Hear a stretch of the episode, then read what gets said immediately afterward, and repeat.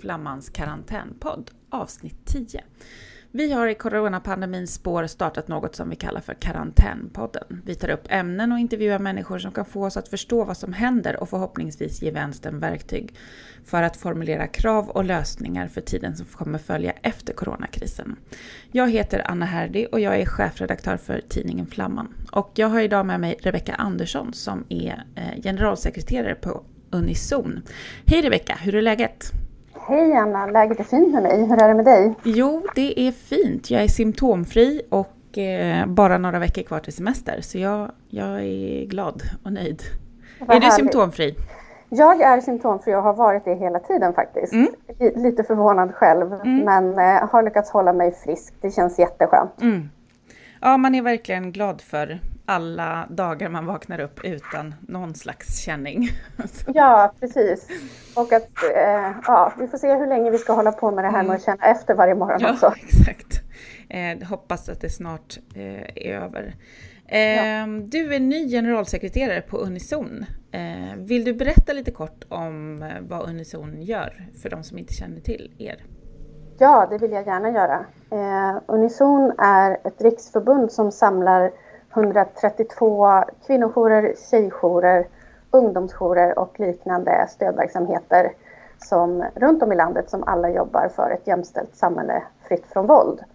Så Unison är en paraplyorganisation för de här jourerna. Mm.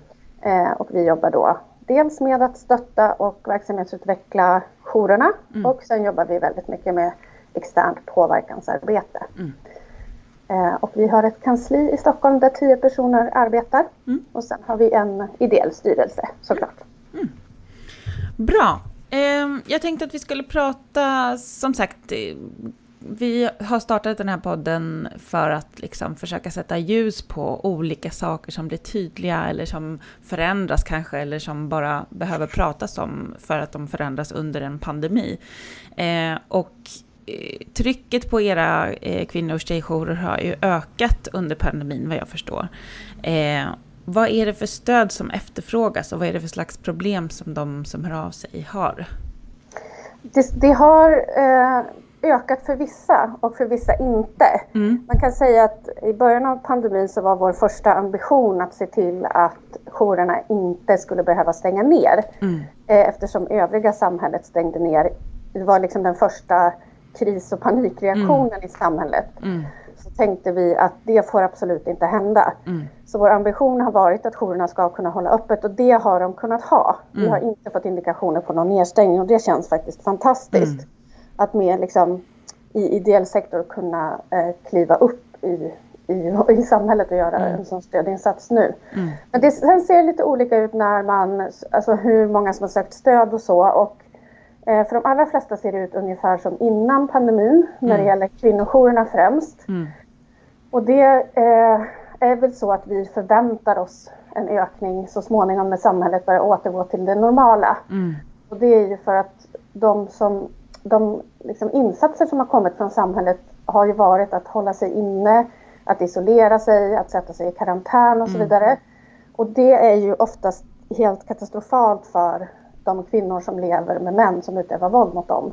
Mm. Eh, eftersom man då hela tiden är instängd med sin förövare. Mm. Eh, många som jobbar hemma, man har inte kvar sin fristad. Eh, att kanske kunna komma ut till jobbet varje dag. Mm. Han går inte heller till jobbet kanske. det är många som har varslats. Vi mm. har många indikationer på ehm, liksom krisreaktioner såklart. Mm. Ehm, när det blir ekonomisk stress och press i samhället och mm. hela samhället såklart har har en stressreaktion. Så det känns väldigt eh, illavarslande så här preliminärt. Mm. Men, men, och några jourer har sett en stor ökning just till exempel när det gäller att de har använt andra kontaktvägar, till exempel chatt. Kvinnojourerna har ju främst eh, haft telefon eller eh, IRL-stöd mm. traditionellt. Men nu har många jourer, kvinnojourer gått över till att ge stöd online också. Mm. Och det visar sig ha varit väldigt hjälpsamt då. Att man kanske kan chatta från sin telefon mm. eh, fastän man är hemma mm. och så. Eh, och när det gäller tjej och ungdomsjourerna, där har vi sett en stor ökning. Vi har haft initierat liksom när pandemin kom en daglig kontakt med ett 20-tal jourer ungefär. Mm.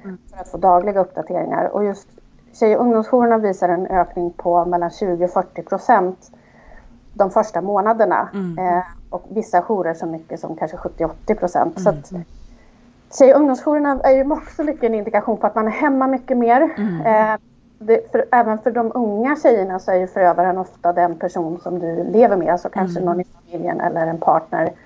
Och alla har ju liksom haft anledning att stanna hemma nu. Mm. Och bara eh, umgås med de man brukar ja, umgås med. Mm. Visst, och också eh, förövare har ganska stor anledning att säga så här, nej men du ska inte gå på träning, ingen ska gå på träning nu mm. eller mm. ingen ska gå till skolan och sådär. Eh, och det har visat sig vara väldigt eh, Alltså, de unga tjejer som hör av sig till tjej och ungdomsjourerna berättar just nu om en väldigt liksom, grov våldsutsatthet, stor våldsutsatthet och mm. väldigt mm. grova övergrepp. Det kan ju antingen vara den man har en kärleksrelation med men det kan ju också vara pappa eller någon annan i familjen mm. såklart.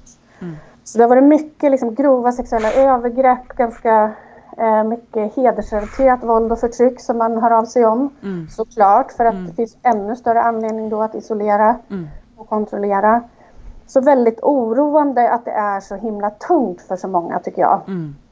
Um, så det är liksom den initiala känslan samtidigt som vi då förväntar oss att det här ju inte kommer bli bättre nu utan det kommer att dröja. Mm. Även om liksom restriktionerna nu börjar mjukna lite så, så kommer det ju fortfarande vara en liksom krisutveckling i samhället i stort, framförallt ekonomiskt. Är det det du Ja, absolut. Mm. Alltså, det finns ju inga kriser i samhället oavsett vad det är, om det är naturkatastrofer mm. eller ekonomiska kriser eller pandemier mm. som leder till att, att, det, att alla mår bättre. Nej. Utan tvärtom mm. mår man sämre och vi vet också att, att det leder till att män väljer att utöva våld i högre grad. Mm. Och det känns tungt såklart. Mm. Um, man har dock inte, än så länge vad jag har sett i alla fall, sett någon dramatisk ökning av anmälda brott. Um, det, är ju, det är ju någonting som inte bara um, sker under en pandemi, eller liksom att, att människor inte anmäler. Men vad tror du det beror på att man inte ser någon ökning? Jag tror att det beror på flera saker och det finns också lite olika siffror. Alltså mm. beroende på vart vi kollar. Brå mm. har ändå visat alltså Brottsförebyggande rådet har ändå visat, om man jämför april i år och mars i år med, med förra året, så mm. ser man en ökning ändå. Mm. Och jag tror att när det gäller den här situationen som vi är i så vet ju ingen riktigt någonting. Mm. I en pandemi så är det jättesvårt och vi har inte varit i den här situationen. Mm. Och väldigt svårt att mäta. Mm. Eh, och dessutom så är de här brotten svåra att mäta även generellt i samhället. Mm. Alltså mm. att vi ska få vetskap om hur många kvinnor och barn som utsätts för mäns våld. Mm. Det kräver liksom ett pussel av dels polisens statistik, eh, andra myndigheters statistik, rättsväsende eh, och också såklart vår egen statistik. Mm. Och allt det här ihopbakat brukar liksom bli vårt pussel då. Och mm. utöver det så är det ofta ett stort mörkertal. Mm. Alltså att man inte anmäler de här brotten i särskilt hög grad. Mm. Så att jag tror att alla de här sakerna spelar in mm. och samtidigt också då kanske att man eh, har svårare att lämna. Man har mm. svårare att lämna förövaren mm. just nu och då kommer man ju inte heller att anmäla. Nej, inte förrän man har kommit iväg liksom. Ja, det är det vanligaste. Om det inte är väldigt akut förstås. Då mm. brukar eh, det bli akuta lägen med polis och så. Men, mm. men annars så, ja, vi får väl se. Det, eh, de här siffrorna som Brå, där var, mm. syntes det ju redan en, en, en ökning redan i januari, januari februari. Mm.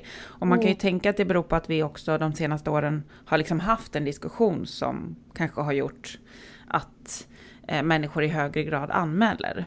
Tror du det? Alltså att det kan vara en positiv eh, utveckling av en tidigare diskussion också? Jag tror absolut att det är en del av det. Mm. Samtidigt så tänker jag att vi har en trend i samhället både när det gäller eh, innan pandemin och särskilt kanske under pandemin mm. att man rapporterar att annan brottslighet går ner. Mm.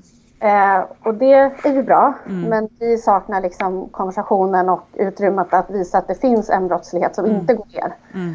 Och det är mäns våld mot kvinnor. Mm. Och eh, det, det bidrar ju också såklart mm. till att diskussionen, alltså kanske att fler anmäler, men jag tänker också framförallt att vi kan inte förvänta oss att de här brotten går ner An och anmälningar går ner förrän vi gör mycket större insatser. Mm. Det... Och anmälningar är inte någon liksom indikator på hur brotten går upp eller ner egentligen? För brotten Nej, utförs. Mm. Så är det. Och det, när det gäller de här brotten och kanske särskilt sexualbrott så har vi ju nästintill strafffrihet i Sverige dessutom. Mm. Eh, I princip ingen döms ju för sexualbrott med tanke på hur, många, hur mycket, mycket kvinnor ändå berättar och mm. anmäler. Och de mm. anmälningarna går ju upp i ganska hög takt. Mm. Eh, men fortfarande så döms bara ungefär 5% av mm. alla anmälda för sexualbrott. Och, eh, det är ju en indikation från samhället att de här brotten inte spelar roll, tycker mm. jag. Eh, att det finns ju ingen liksom, signal från samhället till de här förövarna att, de här, att du inte får göra så här. Mm. Och det får inga konsekvenser om du gör det här. Mm. Så att brott mot kvinnor och flickor är fritt fram. Eh, och det måste vi förändra. Mm. Det måste liksom upphöra. Det måste mm. tas på allvar. Och de som utför, utövar det här våldet och utför brotten måste få konsekvenser för det. Mm. Eh, en sak som jag har funderat på är ju att eh, den här lite mer, eh, inte lösa strategin ska man inte säga, men den, den, inte riktigt lika innestängda strategin som Sverige har haft. Om man jämför med till exempel i Frankrike och Tyskland där man nu lyfter på restriktionerna, man är i Spanien där man har liksom, eller vi har en kollega som sitter i Bryssel till exempel, där får man ju inte gå ut mer än att handla. Mm. Eh, tror du det har haft någon positiv påverkan att vi inte har liksom blivit eh, tillsagda att ha total isolation? Ja, men det tror jag absolut. Och, eh, de, första liksom, indikationerna som kom internationellt, eftersom de också stängde ner tidigt jämfört med mm. när vi införde restriktioner, är ju att det, det ökade enormt mycket. Mm. Jag vet att Frankrike rapporterade liksom en ökning med 36 procent, mm. alltså bara precis i början. Eh, Kina rapporterade en tredubbling. Mm. Eh, och många andra rapporterade eh, både liksom ökningar när det gäller larm till polisen, larm till stödlinjer och liknande. Så jag tror absolut att det har påverkat såklart. Mm. Och eh, det är ju också det går nästan inte att sätta sig in i tycker jag, hur det skulle vara att vara så isolerad. Eh, det märker vi mycket när vi, vi jobbar ju mycket internationellt fortfarande även om vi inte kan resa, alltså med mm. olika webbinarier och samtal och så. Mm. Och det märks ju på allas hälsa och välmående. Mm. Hur det påverkar att sitta inne hela tiden och mm. inte få gå ut. Um, så det är klart att jag tror att uh, vi har ändå fått någon form av andrum fortfarande i Sverige. Mm. Ja, vi pratade om det också igår på redaktionen. Att det går, det går verkligen inte att föreställa sig hur det skulle vara att sitta instängd. Liksom. För det är ju det det blir i några månader. Vi har ju kunnat mm. röra oss Runt. Det är jättesvårt att förstå och också särskilt om du är rädd mm. för den du lever med. För att mm. hemmet för många av oss är ju vår allra tryggaste plats. Mm.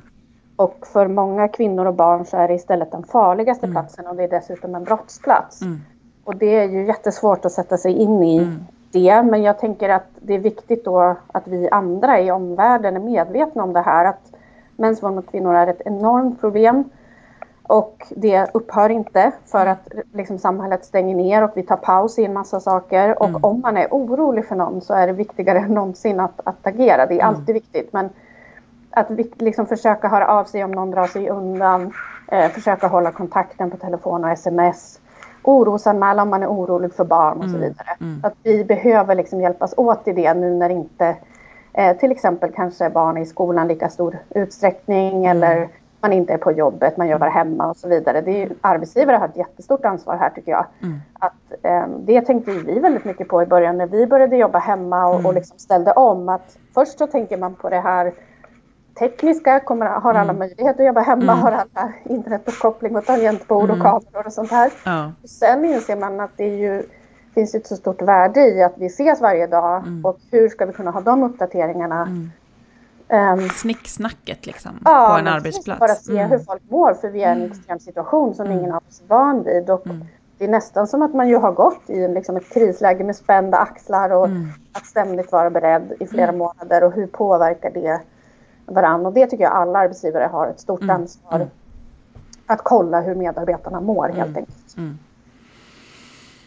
Um, det som det sägs ofta, eller det som jag också funderat på, och det vet jag inte om du har några bra svar på, men det är ju att liksom, socialtjänsten är ju, är ju en liksom, del som kopplas in eh, mm. vid eh, sådana här situationer, eller liksom vid våld mm. eller misstanke om våld eller mm. brott överhuvudtaget. Hur, har du någon uppfattning om hur, om socialtjänsten också behövt liksom förändra sitt arbete i och med pandemin, eller om det ändå mm. fortgår som, som vanligt? Jätteviktigt att du frågar, för det upplever jag drunknade väldigt mycket i början. Alltså, mm. Och det är förståeligt på ett sätt att vi började diskussionen att handla om virus och smittspridning av mm. virus och eh, den typen av åtgärder, alltså ställa om till IVA-platser på sjukhusen mm. och allt sånt här. Mm. Eh, men jag upplever att det drunknade lite av allt det här andra då. I Sverige är ju vår välfärd uppbyggd på liksom både kommun och regioner och en stor del av ansvaret ligger ju på kommunerna. Mm. Vi eh, fick, blev väldigt oroade i början. Vi, vi jobbade hårt för att liksom identifiera eller visa att kvinnor och barn är en riskgrupp när det mm. gäller utsatthet för våld och det fortsätter och eh, är väldigt oroande även under pandemin. Mm. Och det finns riskgrupper som inte bara handlar om den fysiska smittan av viruset, mm. även om det förstås är viktigt. Så mm. vi jobbade hårt för det och hade en stor kommunikation både med, direkt med kommuner men också med Sveriges kommuner och regioner för att vi fick indikationer i början på att socialtjänsten drog sig tillbaka. Mm. Inte i alla kommuner såklart men, men vi fick eh, eh indikationer på att man såklart ställde in möten för det gjorde mm. vi alla. Mm. Eh, men vi fick också indikationer på att man drog in redan beslutade insatser och så vidare och det var ju väldigt, väldigt oroande mm. såklart. Mm. Det här är ju personer som är väldigt utsatta som behöver hjälp och stöd. Mm.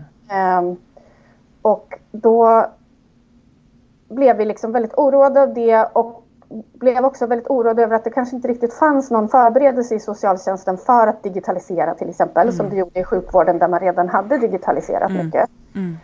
Så det var de inte riktigt redo för upplever jag och sen är det också väldigt svårt att digitalisera den här typen av ärenden. Det är inte, det märker vi också, vi kan ju inte längre ha medlemsutbildningar och så på samma sätt och det påverkar jättemycket för det här är eh, en, en särskild liksom alltså ett särskilt ämne. Man kan mm. inte bara låtsas som att det här är vilket möte som helst. Mm. Och om det är så att du ska prata med någon som är våldsutsatt så mm. kommer inte det att fungera lika bra på digitala vägar. Dessutom kanske inte den personen kan vara på en trygg plats utan mm. hela poängen kanske var att den skulle få komma få till komma någon annanstans. Ja, mm. precis. Eh, och också fått lite indikationer på att man tänker att kvinnojouren kan ta mycket av mm. avlastningen såklart. Men även mm. de har ju behövt ställa om och mm. behöver vara oroliga för smitta, eh, smittspridning, har behövt göra samma anpassningar som alla andra. Så att, mm.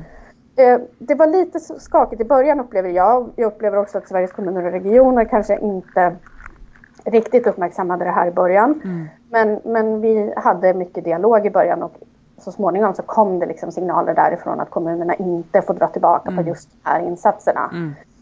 Så jag hoppas nu att man har fortsatt och jag vet ju att liksom enskilda social, alltså enskilda handläggare och enskilda anställda jobbar ju jättehårt för det här men det är svårt när ingen vet hur direktiven ska se ut såklart. Mm.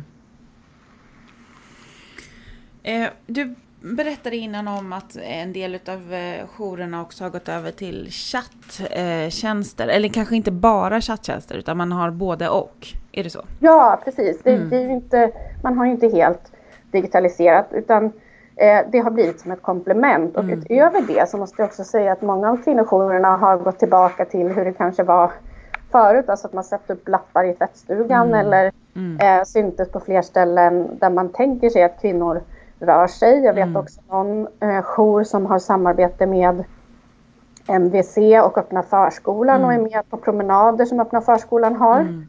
Och liksom promenerar med kvinnorna. Mm. Sen har man liksom, jag, jag sett redan, eh, såg senast här i veckan när jag satt och läste igenom vad jourerna har gjort, att många av dem har fått ta fram stöd på, med hjälp av tolk eller på mm. trycksaker på andra språk därför att eh, det har inte, alltså bara när det gäller coronan och mm. pandemin mm. och smittan, för det har inte nått många utlandsfödda. Mm.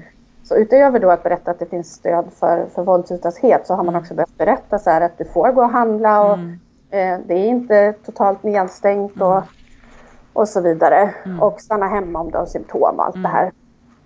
Men, men eh, chatten har ju eh, blivit ett tillskott kan man säga och det är lite nytt, ny kontaktväg för just kvinnojourerna men mm. också en helt logisk utveckling tycker jag mm. med tanke på att eh, det är så vi kommunicerar med, mm. med myndigheter och alla möjliga mm. och varandra nu för tiden. Så det är klart. Att det... det är liksom inget konstigt längre, precis. För Nej. det som jag funderar, funderar över är att Alltså, eh, men du säger ju nu att ni inte bara har chatt såklart, men det finns ju äldre som kanske inte mm. ännu är där liksom, i chatt, Absolut. är så chattvänliga. Och vad innebär det för kontakten mellan, mellan just jour och kvinnor? Apropå det du pratar om, att alla samtal, eh, en del samtal måste ju tas liksom mm. IRL och, ja. och så. Man har försökt vara väldigt innovativ upplever jag, så att mm. ses utomhus till mm. exempel, ha mm. sitt samtal på en lugn plats under en promenad mm. eller sitta på en lugn plats. Eh, men också kunna att jouren till exempel kunna köra bil och möta någon kvinna mm. på någon annan plats och så. Och sen har jourerna varit väldigt innovativa när det gäller till exempel att eh, turas om och jobba på jouren kanske varannan mm. vecka för att minska liksom smittspridning. Man delar upp personalen och då kan man fortfarande ta emot på, mm. på jouren. Mm. Och de har såklart precis som alla andra infört väldigt liksom, restriktiva eh, hygienrutiner ja. och städar mycket mer och allt sånt där. Mm. Så att jag upplever ändå att man fortsätter ungefär som vanligt och ses på plats också. Mm. Men inte i stora grupper. Nej. Alltså kanske öppen barnverksamhet och sånt här går ju inte riktigt att ha Nej. på samma sätt. Mm. Ja men spännande. Eh, jag tänkte också att vi skulle prata lite om det som vi var inne på i början. Att coronapandemin har ju också kommit att innebära en stor ekonomisk kris Eh, inte mm. bara här utan runt om i hela världen. Och mm. många blir arbetslösa och lågkonjunkturen liksom, som redan var väntad har eh, kommit mycket hastigare eh, och liksom rakt på i virusets spår. Vad innebär det för någon som inte liksom, någon gång har tänkt på den kopplingen, men vad innebär en sån kris för mäns våld mot kvinnor? Ja, men eh, alltså de, det här är ju den stora frågan, vad är det som gör att män utövar våld? Mm. Och det finns ju en liksom, bas eh, och det är att män eh, utövar våld mot kvinnor just för att de är kvinnor. Mm. Att det finns ett stort eh, kvinnohat och en kontrollbehov av kvinnor eh, som liksom finns som en grund i det här våldsutövandet. Mm.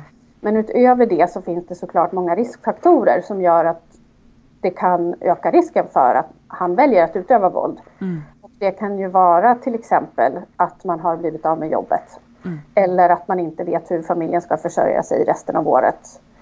Eller att det kanske går bättre för henne då på jobbet än vad det gör för honom. Mm. Och så vidare. Mm. Eh, men och allting som förvärrar, det hänger ihop med all annan forskning såklart kring att vi vet att alkohol, alkoholkonsumtion och droger ökar under de tiderna av liksom kris och press.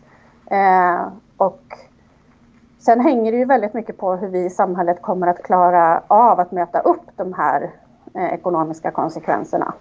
Eh, hur kommer vi kunna ha våra socialförsäkringssystem fungerande och kommer de flesta som har varslats kunna få ett nytt jobb eller kommer de kunna få a-kassa och så vidare. Det kommer spela in jättemycket. Mm. Eh, och hittills tycker jag ju ändå att Sverige har varit snabba på att, att eh, agera och ha och diverse olika krispaket och så vidare. Mm. Och jag hoppas ju att eh, det är svårt att föreställa sig tycker jag redan nu hur mm. det här kommer att se ut om ett år eller två år. Mm. Men det man ska ha med sig är ju att ingen kris har liksom gjort att våldet minskar. Mm. Eh, utan det, vi förväntar oss att det kommer bli värre och då behöver vi ju stå redo i de samhällsskyddssystem som vi har. Mm. Eh, vi behöver kunna hålla jourerna öppna. Mm. Det, det, är jätte, jätteviktigt och de andra skyddssystemen behöver också kunna hålla öppet och vi kommer ju så småningom behöva ha en sjukvård som inte bara handlar om corona och covid-19. Mm. Eh, så småningom kommer de vanliga sjukbesöken att behöva återupptas och så mm. vidare. Och då måste man fortsätta göra det som, som man ju egentligen har i grunduppdrag alltid och det är ju att fråga kvinnor om barn, om det eventuellt finns en våldsutsatthet men mm. också Någonting som vi har lärt oss väldigt mycket av de män som går så långt att de mördar kvinnor är att de ju ofta har eh, vårdkontakter till exempel eller kontakt med myndigheter mm, innan. Men de just söker det. just klart inte för det här utan mm. de söker till exempel för ångest eller att de har förlorat jobbet eller mm. att de har problem med hur de dricker eller att de inte kan sova eller liknande saker. Mm. Just här, när män gör det så behöver vi ju fråga dem. Och samma sak tycker jag man ska göra på Arbetsförmedlingen och när man har eh, insatser från socialtjänst och a-kassa. Alla sådana här system där vi träffar människor, då behöver man fråga liksom, hur mm. har du det hemma? Mm. Funkar det hemma? Mm. För, För ingen... att no ge, ge en möjlig förövare en, någon form av utväg. Är det ja, det som är... Mm. Ja, utväg och säga också eh, att det här, det, finns, det här är ingen ursäkt för att, mm. för att liksom utföra de här brotten. Mm. Att vi är i en pandemi eller att du har förlorat jobbet eller så, mm. det är inte en ursäkt för att utöva våld. Mm. Mm. Eh, och det, det får aldrig vara. Och det är också olagligt och eh, det får allvarliga konsekvenser. Och också göra då, jag tycker att man ska, eh, precis som om en kvinna söker stöd, alltså anmäla till polisen och eh, orosanmäla om det finns barn och allt mm, sånt här. Mm, mm, och inte minst fråga, för mm. att de allra flesta män får inte den här frågan. Mm, mm. Jag blev glad eh, innan pandemin, eller precis när pandemin hade liksom brutit ut så ramlade jag på riktigt i trappan. Oj! och slog mig ganska illa. Ja. Men då fick jag för första gången frågan när jag kom till närakuten, så här, är det någon mm. som inte får veta att du är här? Mm. Och det tänker jag är en sån första mm. fråga. Jättebra.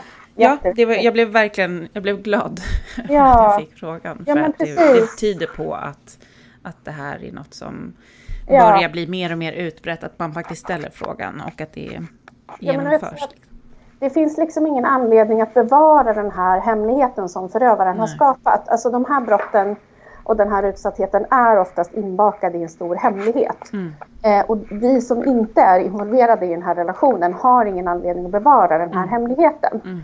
Jag tänkte mycket på att det skrevs mycket om ett fall i, i eh, pressen i början av året var väl det om den här eh, unga kvinnan som kom in till sjukhuset och till slut så säger liksom, sjuksköterskan så här, jag tror inte på det mm. som du berättar. Jag tror mm. inte på att du ramlat i trappan. Mm. Och det, det, kan räcka med att man bara säger så här, men vet du vad, jag drar upp mm. gardinen nu. Jag mm. tror inte på dig. Mm. Eh, finns ingen anledning att gå med på lögnen när man inte har varit med och skapat den. Det är ju en viktigt eh, medskick på något sätt till alla ja. som, och, och, inte bara då sjukvårdspersonal, precis som du säger, utan att det också gäller människor som träffar andra människor. Typ. Absolut, mm. jätteviktigt. Mm. Eh, och framförallt arbetsgivare också, som det vi pratade om i början, att, att man håller koll på, även på de som jobbar hemma, liksom, att man frågar hur ja, men, det är och... Visst, jag tycker att man man ska försöka vara medveten om att det inte är underbart för alla att vara hemma. Mm. Det är tyvärr inte så. Mm. Så det är viktigt att komma ihåg och vara lite noga med att fråga. Känns allt bra hemma? Hur har du det? Hur funkar det? Inte bara hur funkar det med uppkopplingen och mm. eh, många av oss som har fått konstiga skador i rygg och axlar ja. för att vi sitter böjda som en ostbåge hemma. Mm. Och det är såklart allvarligt men fråga de andra sakerna mm. också. Ja men jättebra.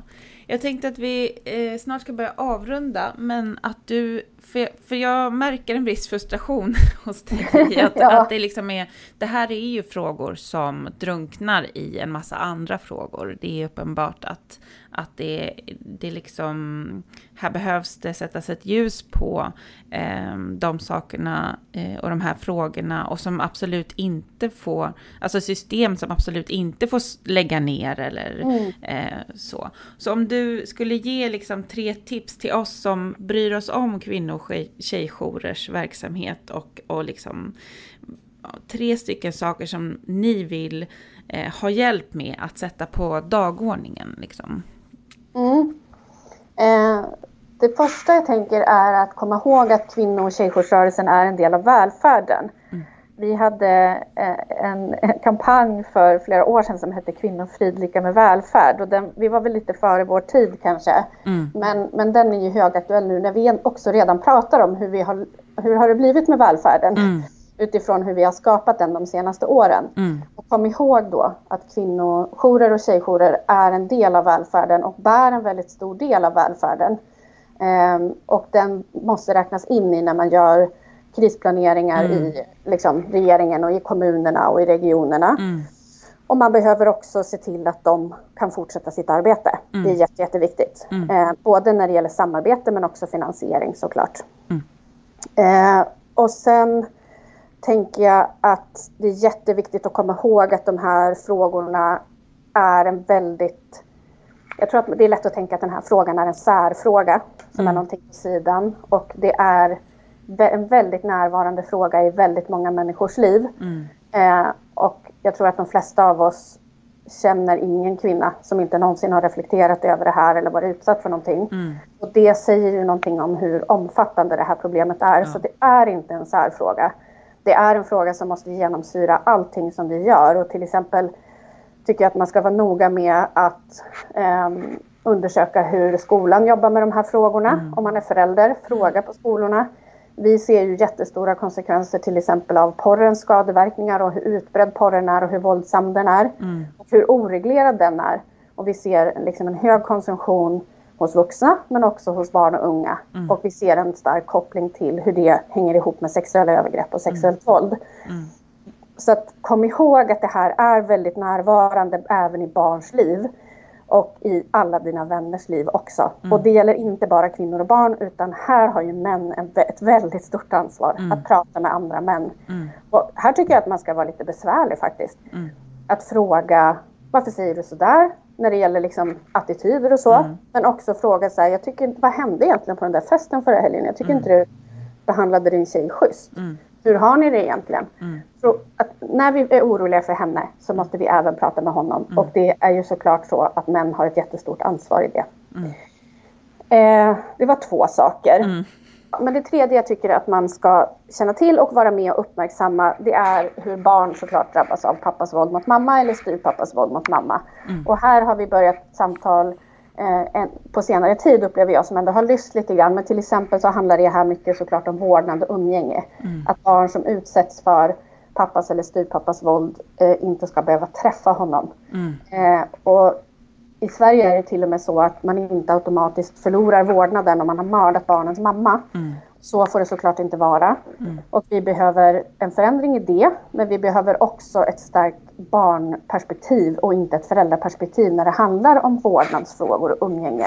Mm. Eh, utan har man utövat våld, då tycker inte jag, då har man inte rätt att vara förälder i den utsträckningen som man hade från början. Då har mm. man förverkat den. Mm. Och då ska man behöva bevisa varför igen, så man liksom ska vara en, en viktig förälder för det här barnet. Och lyssna på barnen för de vill oftast såklart ha en fristad mm. och inte behöva utsättas för våldet. Och här har kvinnojourerna jättemycket att säga. Mm. Eh, för de har ju såklart i varje ärende som de träffar en kvinna som har barn så är det här med vårdnadsfrågan och umgänget en väldigt stor fråga. Mm. Så att försök ha med barnperspektivet i de frågorna också skulle jag uppskatta jättemycket. Mm. Jättebra, tack så jättemycket eh, Rebecka. Eh, vi eh, hoppas att vi tillsammans ehm, kommer kunna hjälpa till att sätta ljus på de här frågorna eh, även efter pandemin. Eh, så tack så jättemycket för att eh, du var med i podden. Ah, skulle du vilja göra reklam för någonting? Åh, skulle vilja göra reklam för någonting? Ehm, jag skulle vilja göra reklam för en kampanj som just nu pågår i sociala medier som vi har varit och med och tagit fram. Mm. Eh, som handlar om eh, att porr inte är sex. Så kan man kolla på Unisons eh, Instagram och sociala medier. Unisonjourer heter vi där. Mm. Som är en kampanj till unga som handlar om att porr inte är sex. Så den skulle jag vilja göra reklam för. Jättebra. Jag skulle vilja göra reklam för att man fortfarande kan teckna en krisprenumeration på Flamman. Just nu får man det mycket Eh, braiga erbjudandet om att få eh, tidningen hem i brevlådan i sex månader för endast 180 kronor. Så gå in på flamman.se kampanj för att teckna en prenumeration och gör det nu. Så tack så mycket Rebecka, ha en eh, fortsatt trevlig dag och så hörs vi säkert snart igen. Tack så mycket Anna, vi hörs.